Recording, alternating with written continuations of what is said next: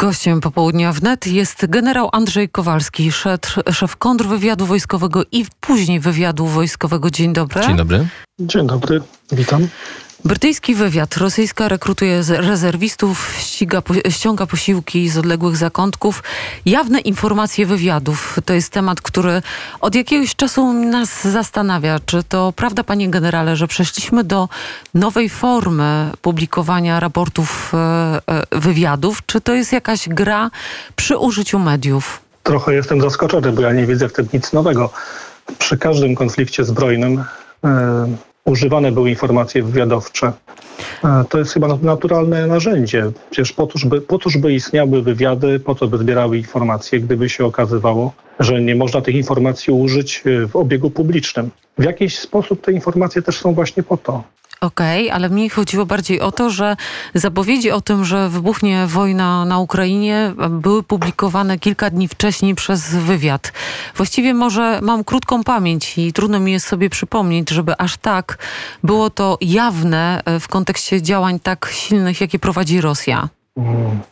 Tu pani ma trochę racji, ale też e, spójrzmy na to może z tej perspektywy że tak naprawdę e, w tym przypadku, w którym w tej chwili się znaleźliśmy wszyscy, jest tak, że e, Rosja jako potężny agresor, który tak naprawdę wkraczał e, swoimi zamiarami w przestrzeń europejską, co się nie zdarzyło od kilkudziesięciu przecież lat, mm, musiał spotkać się z czymś takim jak synchronizowana i jedno, jednolita odpowiedź Zachodu.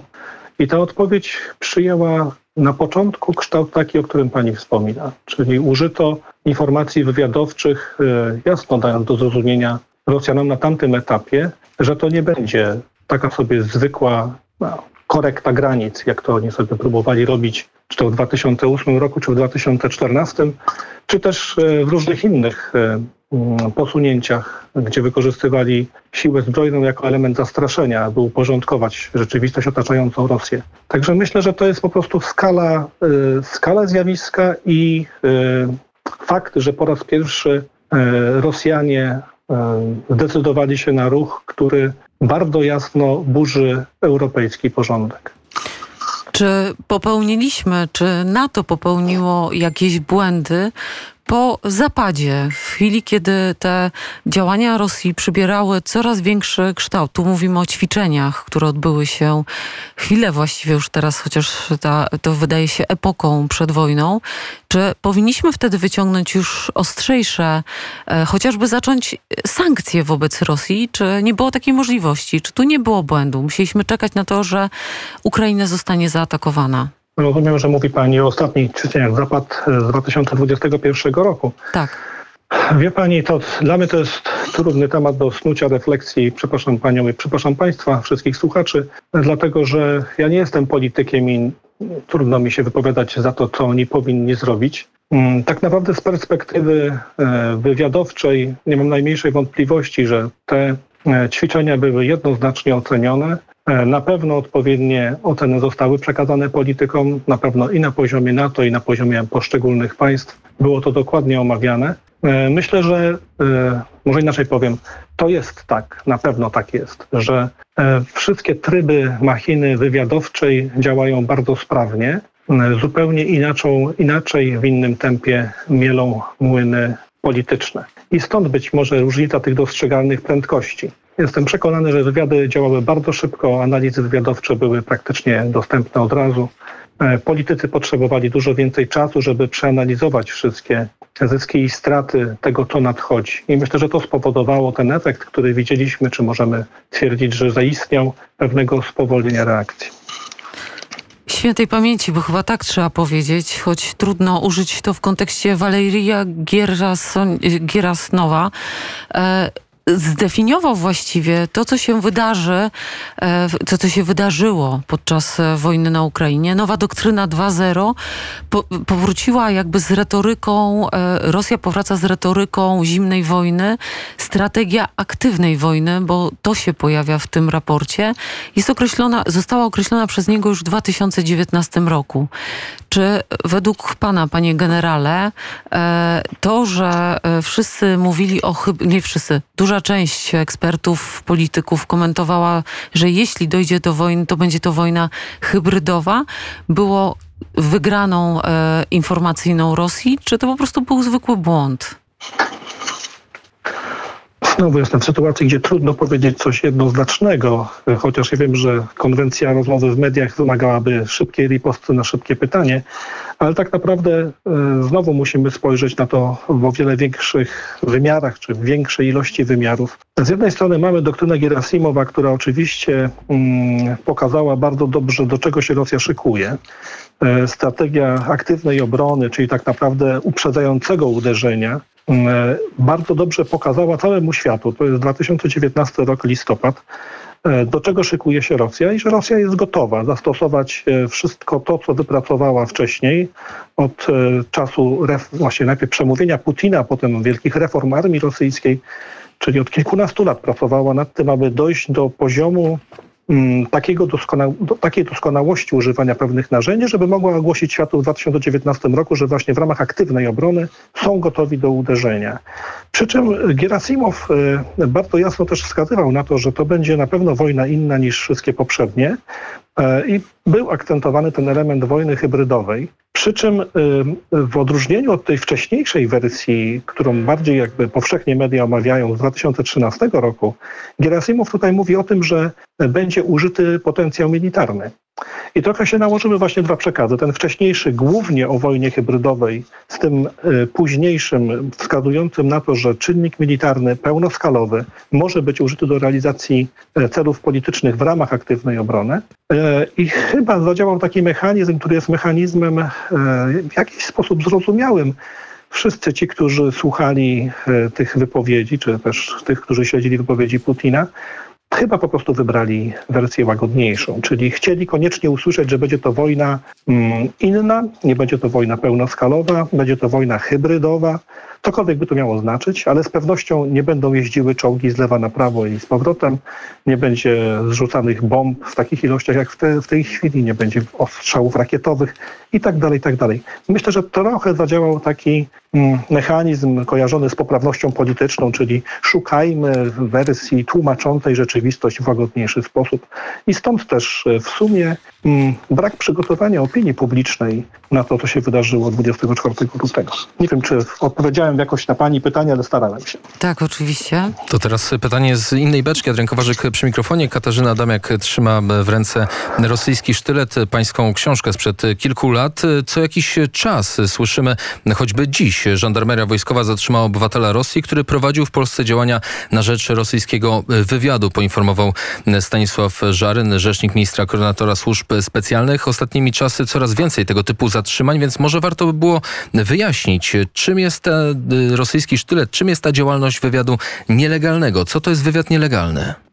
Odnosząc się do zatrzymań ostatnich, które mieliśmy w Polsce, czyli e, dwóch obywateli Białorusi, jednego obywatela Rosji, no wiem, tyle to państwo, tylko z komunikatów e, e, rzecznika ministra koordynatora, to nie ma raczej nic wspólnego z wywiadem nielegalnym. Jest to po prostu działalność osób, które zadaniowane przez centralę przyjeżdżają do Polski i prowadzą zwykłą obserwację, tak to rozumiem z komunikatu, zwykłą obserwację miejsc, które mają znaczenie e, dla obronności państwa.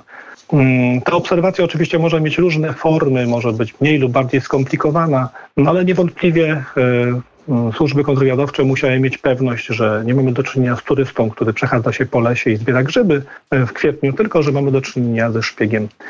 E, to jest e, działalność, można powiedzieć, e, o tyle charakterystyczna, czy można powiedzieć, ona jest całkowicie na miejscu, tak trochę w cudzysłowie, trochę z przekąsem, ale jednak w momencie mm, zaognienia sytuacji wojskowej w jakimś regionie świata, tego typu agentura jest bardzo pilnie poszukiwana, czy rozprzestrzeniana, rozsyłana po to, aby mm, jak naj Mm, świeższe informacje e, gromadzić o, o, tych jednostkach e, wojskowych czy tych obiektach wojskowych, które jako pierwszorzutowe mogą być wykorzystane w razie konfliktu zbrojnego.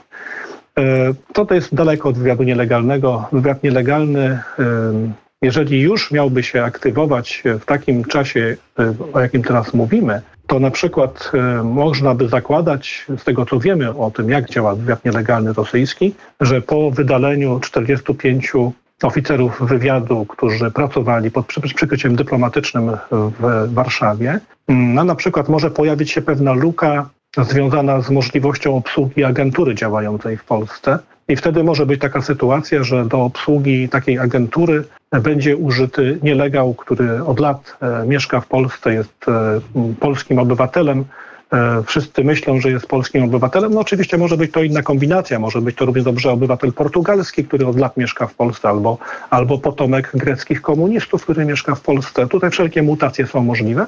I taki człowiek mógłby przejąć e, jakieś zadania związane z tym, żeby na przykład poprzez system skrytek, bo raczej nigdy e, osobiście, bo tutaj trzeba chronić tożsamość nielegała, żeby na przykład e, odbierał pewne informacje przygotowywane przez agenturę i potem przesyłał je centrali.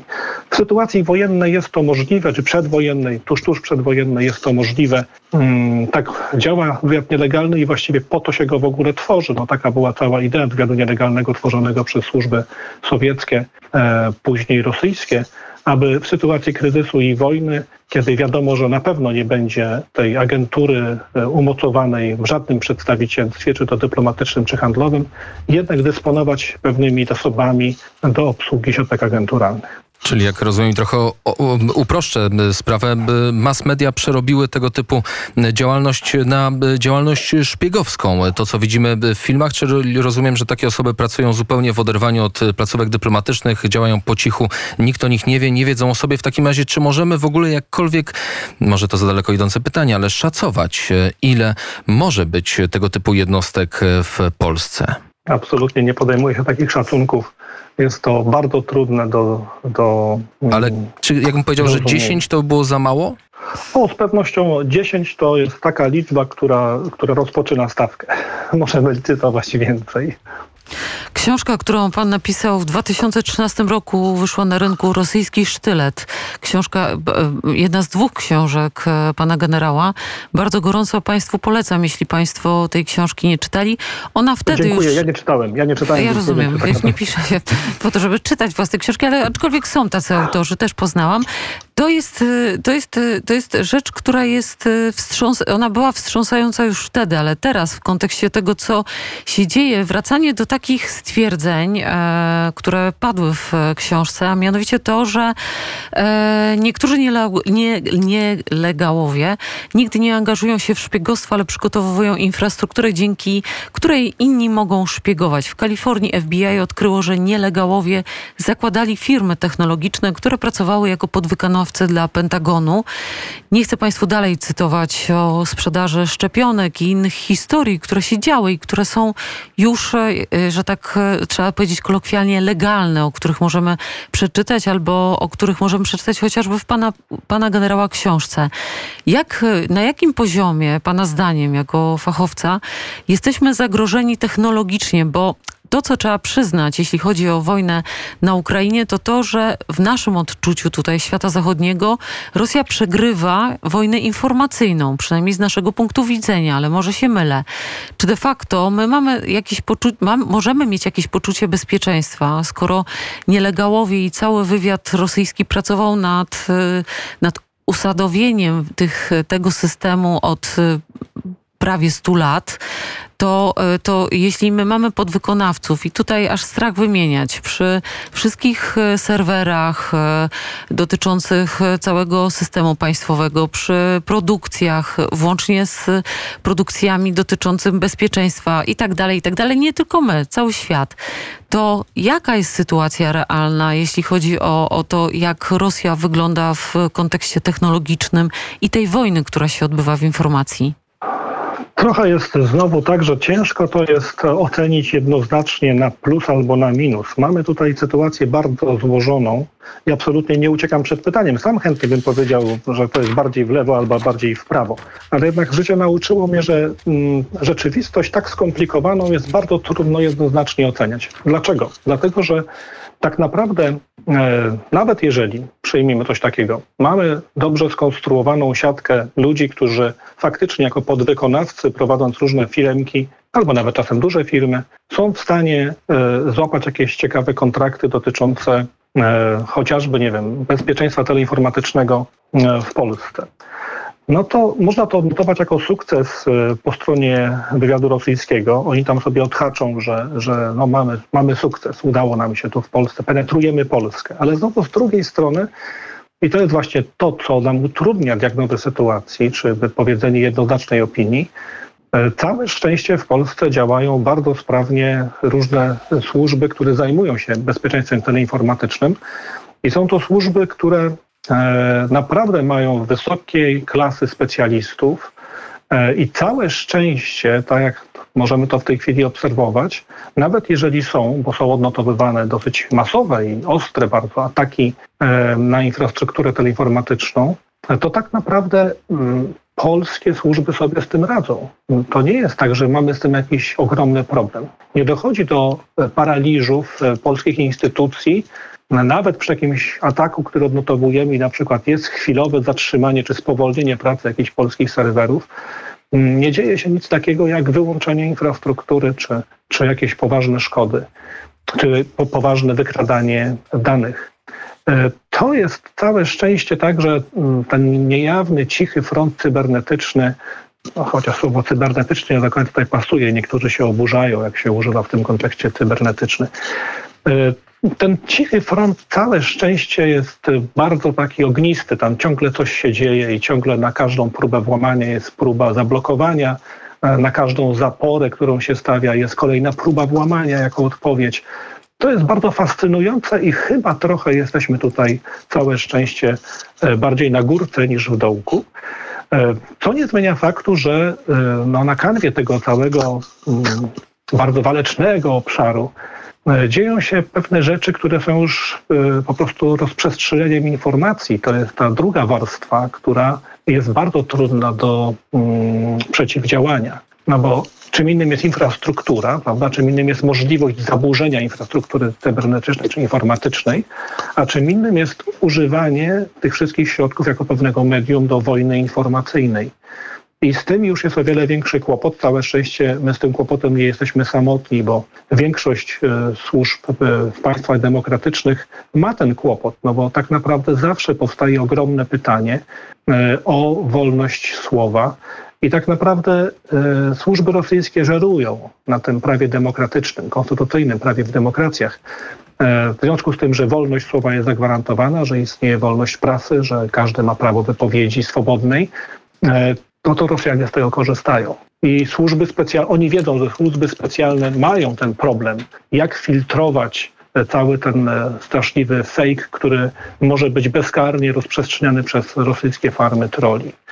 Także mamy dwie warstwy. W jednej warstwie na pewno jesteśmy raczej w lepszej kondycji niż by się mogło wydawać, a jeśli chodzi o tą drugą warstwę, warstwę rozprzestrzeniania informacji, czy tej wojny informacyjnej, klasycznej, to tutaj jest naprawdę kłopotliwa sytuacja dla każdego państwa żyjącego w demokracji. I na tym żerują przeciwnicy. Ostatnimi czasy my, dziennikarze, ale nie tylko, mówimy o tym, że Ukraińcy wygrywają tę sferę informacyjną. Pan swojego czasu, panie generale, powiedział, że Rosja jest mistrzem gry informacyjnej. No to jak to jest w rzeczywistości? Czy rzeczywiście to, co myślimy, e, może być, może być prawdą, jeżeli chodzi o tą przewagę informacyjną strony ukraińskiej? Czy może to jest coś, co byśmy chcieli?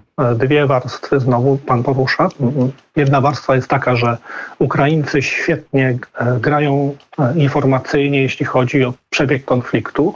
Bezsprzecznie tutaj wyprzedzają Rosjan, są świetnie przygotowani. Naprawdę patrzę z szacunkiem na to, jak oni przygotowywali się do tej wojny. E, w jakiś tam sposób kibicowałem im z bliska. Z racji mojej funkcji wiedziałem, że pracują bardzo ciężko. Jestem naprawdę zadziwiony efektami tej pracy świetnie przygotowali się do prowadzenia wojny informacyjnej dotyczącej wojny.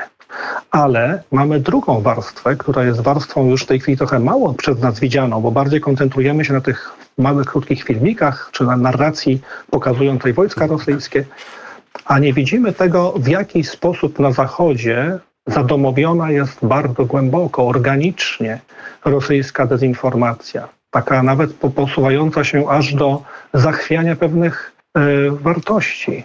E, przecież tak naprawdę to, że cały czas można grać na emocjach e, mm, elektoratu, używając sformułowania, no ale gaz będzie drogi, no ale przecież w wyniku wojny ucierpi handel, no przecież wszystko podrożeje, no przecież dobra będą mniej dostępne i tak dalej, i tak dalej. To jest tylko mały wycinek tego, co jest obecne w mediach e, na Zachodzie i co bardzo skutecznie oddziałuje. Więc tak naprawdę w tej warstwie tutaj już jakby, no proszę zauważyć, to Ukraina nie ma zbudowanych takich zasobów na całym świecie, w postaci różnych na przykład e, jakichś tam oszołomskich, lewackich czy jakichś innych jeszcze e, komóreczek, które snują różnego rodzaju e, narracje. Tutaj Ukraina jest dużo słabsza. Tutaj świetnie wypada prezydent, świetnie prezydent Zeleński, świetnie wypada minister zagranicznych Kuleba, e, ale tak naprawdę oni nie mają takich zasobów intelektualnych, tak zwanej agentury wpływu, aby można było sączyć taką masową dezinformację, masową wojnę psychologiczną przeciwko całemu Zachodowi. Tutaj zdecydowanie Rosjanie mają prymat. No i to jest oczywiście wielkie wyzwanie dla Zachodu. Nad tym też powinniśmy wspólnie pracować, nie tylko rozmawiając o tym, jak wspomagać militarnie mm, Ukrainę, ale też powinniśmy wspólnie pracować z państwami NATO i Unii Europejskiej aby dać odpór e, tej e, inwazji wojny psychologicznej ze strony Rosji. E, Starak, Sołowow, E, w właściciel Bakomy, teraz nazwisko mi wypadło, to była taka lista wstydu polskiego, która pojawiła się w kontekście firm, które nie chcą opuszczać Rosji e, w związku z wojną na Ukrainie. A ja zastanawiam się, panie generale, na koniec, jak, jak, jak wielki był e, wpływ polityki rosyjskiej, wywiadu, czyli przykrywki biznesowej w latach 90. na Polskę. I nadal jest. Ogromny ogromny. No niestety nam umykają takie rzeczy, bo lata płyną i to może całe szczęście, że y, opinia publiczna tego nie pamięta. Y, kto pamięta tą reklamówkę z dolarami, którą jeden z sekretarzy partii upadającej partii PZPR e, otrzymał od KGB na ratowanie biznesów, które są potrzebne po to, żeby e, aktyw tej partii mógł rozpocząć różnego rodzaju tutaj geszefty e, gospodarcze czy handlowe. My tego już nie pamiętamy. A przecież tak naprawdę agentura rosyjska w Polsce, czy wtedy jeszcze sowiecka, czy postsowiecka w Polsce na początku lat 10., 90. to była agentura liczona no to myślę, że setki to rozpoczyna dopiero licytację. Tak? Musielibyśmy dalej rzucać te liczby, e, żeby zrozumieć, z jaką skalą penetracji Polski mieliśmy.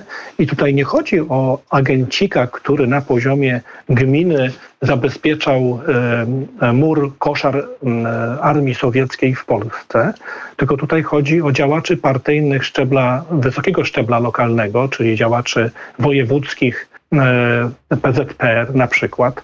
Tu chodzi o dowództwa lokalne polskie, czy dowództwa wojskowe, czy dowództwa e, służby bezpieczeństwa.